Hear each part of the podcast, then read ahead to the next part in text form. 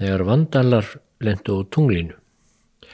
Í þessari frásögn sleppi ég gjörsamlega fram af mér beislinu í hjásögunni og bý til á mjög hæpnum forsendum nýja sögu um upplugt stórveldi í Afríku sem í raun var aldrei til.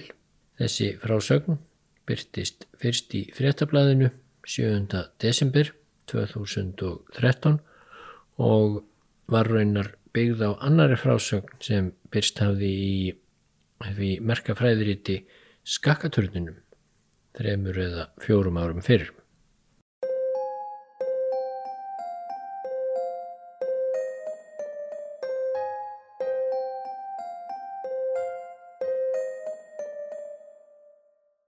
Síðustu tvær frásagnir fjalluðu um óurlegt stríð bísansmanna eða austurrómverska ríkisins við Persa í blábyrjun sjöndu aldar eftir Krist. En þeim langvinnaslag lög með því að stórveldin stóðu bæði hálf lömuð eftir og urðu því auðveld bráð aröpum þegar þeir gerðu árás frá Arabíuskaga og náðu á örfáum árum stórum hlutum bæði bísansríkisins og Persíu og tóku svo að breyða Íslam út um heiminn. En hefði sagan getað orðið öðruvísi? Getur við fundið einhvern tímapunkt þar sem sagan hefði getað breytt um stefnu út af einhverju smáatriði sem var öðruvísi en það sem gerðist í raun og veru. Og Íslam hefði þá til dæmis aldrei komið til sögunar. Jú, það er hægðarleikur að búa til slíkar sviðismyndir, margar meira segja. Ég hef til dæmis löngum skemmt mér við tilhugsunum það hvernig veraldarsagan hefði orðið öðruvísi ef Gelímer vandalakongur hefði ekki fengið hálgjert tauga áfall við að sjá bróður sinn fallin á výgvelli nálagt Karthagó árið 533 eftir Krist.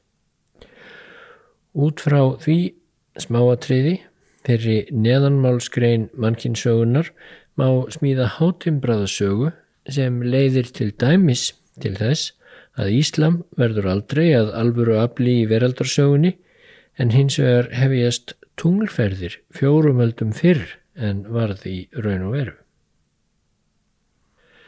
Það er nefnilega það. En hverju voru vandalar?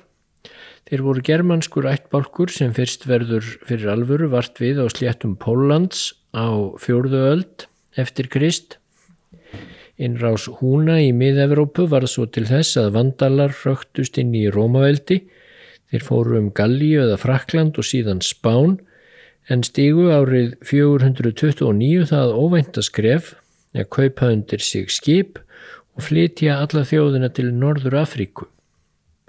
Vandala þjóð taldi þá 8-10.000 sálir, karla, konur og börn, en til samanburðar má geta þess að það er rétt rúmlega sá fjöldi sem fyllir fótboltavöllin Old Trafford, heimavöll Manchester United, en margir íslendingar munu hafa komið þangað. Vandalar náðu svo helstu borg Rómaveldis í Norður Afríku, Karthagó, tíu árum eftir að þeir fóru yfir hafið frá Spáni. Og þeir stopnuðu ríki sem var svo aðblugt að árið 455 náðu vandalar sjálfur í Rómaborg og rændu mörgum gersemum og auðæfum áður en þeir hurfu á braud. Þeir gengur endar kurtislega fram við þetta allt saman, svo það er eh, með öllu óverðskuldað á orði vandalismi sé kent við þessa þjóð. En nema hvað, 20 árum setna fjall Rómaveldi í vestri og ríki vandala virtist á hafa alla burði til að hasla sér almenlegan völl í mankinsögunni. Það var í áratugi öflugasta ríkið við vestanvert miðjarðarhaf. Réði Norðurafríku ströndinni, eigunum Sikilei, Sardiníu og uh, Korsíku og hluta spánar. En við austanvert hafið var austurrómvenska ríkið eða Bísans en við líði og keisarin Justinianus sem kom til valda árið 527 let sig dreyma um að endurreisa hina föllnu dýrð sameinaðs Rómaveldis og hann sendi sex árum setna hersöðingjan Belisarius með fremur fámennan herr til Norður Afríku til að freysta þess að endur heimta svæðið. Vandarakongurinn, Gelímer héttan, hann mætti Belisariusi með hersinn við þjóðvegin ekki allfjari Karþagó, skamt frá þar sem Túnisborg stendur nú. Og vandalar virtust lengst af á góðri leið með að rekja Belisarius á flótta. Þar sem Bísansherrin var fjarrri heimaslóðum þá má telja víst að Belisariusi hefði ef hann hefði þurft að flýja, honum hefði ekki auðnast að fylgja liði á ný, heldur hefði hann þurft að hroklast burt og vandala ríkið staðið óskattað eftir. En þá gerðist nokkuð óvænt. Á vígvellinum gekk Gelimer fram á lík bróður síns Amatussar sem hafi fallið eftir að hafa drepið tólf menn af liði Belisariusar. Og svo elskaði Gelimer, Amatus bróður sinn, að hann verðist hafa fylst algjöru örvendingu. Hann hætti að eldast við Belisarius og létt hersinn nema staðar meðan hann jarðsetti Amatus á vývellinum með mikilli blíðu og viðhöfn. Þetta uppáttæki vandalakongs gaf Belisarius í færi á að sleppa burt með hersinn og stefna til Karþagó sem nú var óvarinn.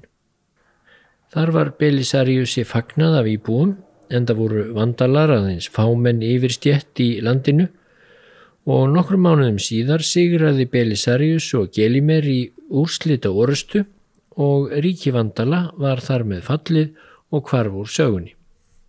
Bísans ríkið var þeins vegar aldrei máttugt á þessum slóðum og þegar Arabar hófu herrferð sína frá Arabíuskaga hundrað árum setna þá hrundi ríkið og Norður Afrika kvarfundir ægishjálm Íslams.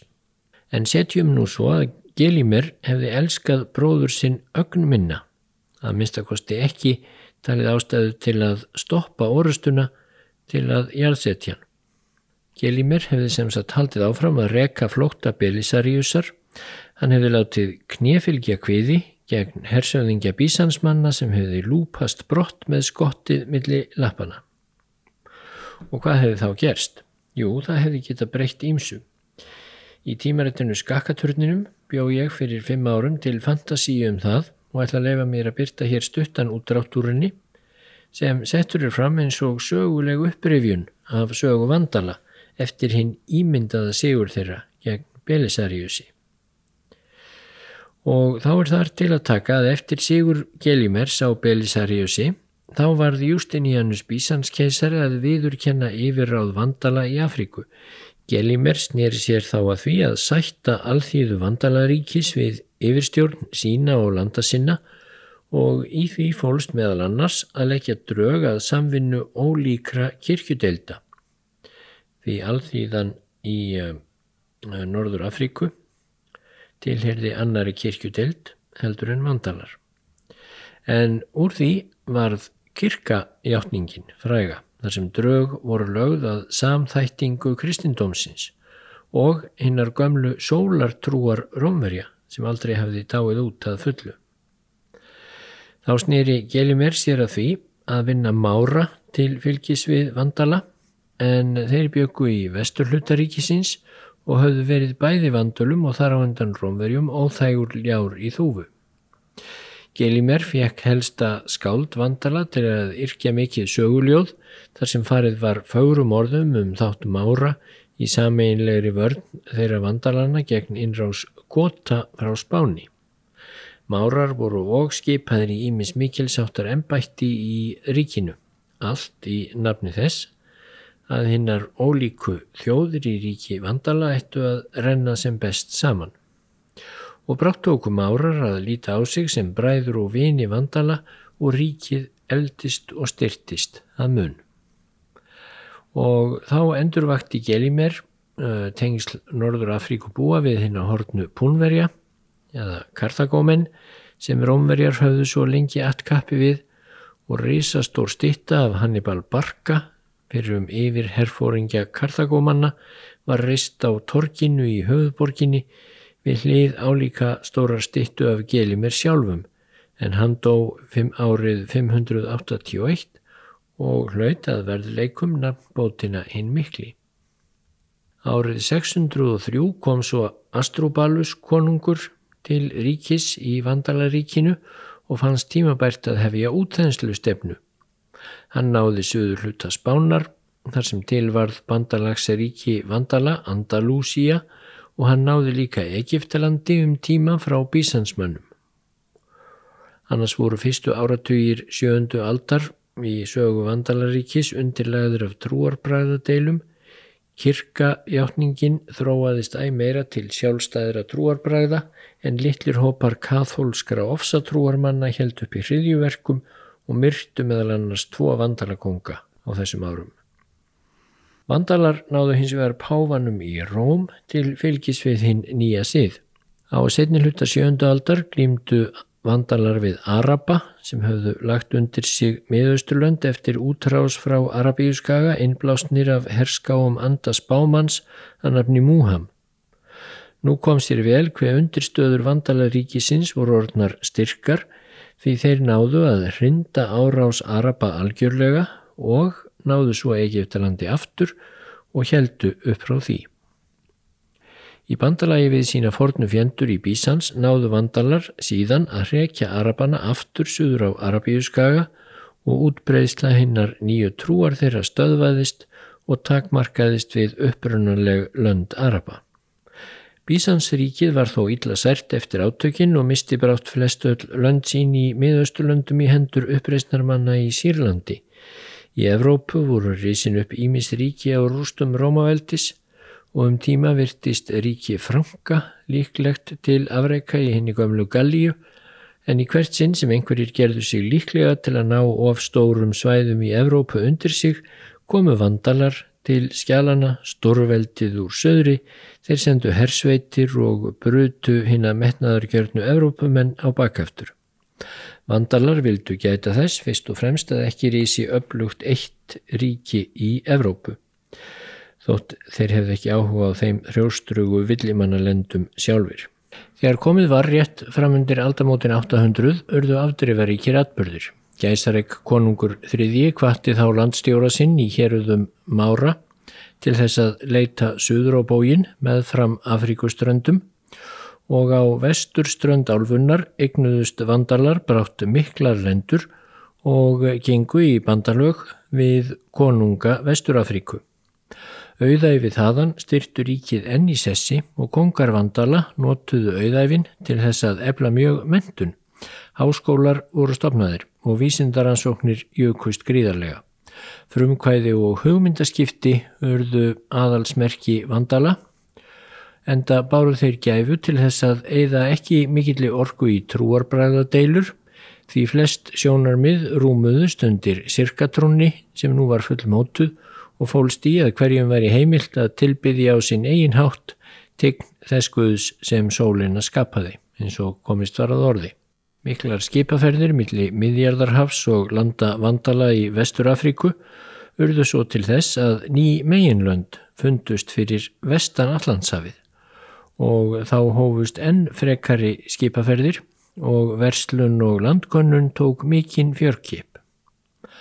Öll þessi þróun tók nokkur tíma en um árið 1250 hófust siklingar vandala til Asíu fyrir alvöru og í kjölfar þeirra varð innbylting í Vandalíu um árið 1400. Nokkrar öflugar drottningar í Vandalíu settu kvenréttindi á ottin, framfarir á öllum sviðum urðu stórstígar eftir það og vandalarnir Gófas Úlan og Hildóser Tóri urðu eins og allir vita fyrstu mennitnir til að lenda á tunglinu árið 1652.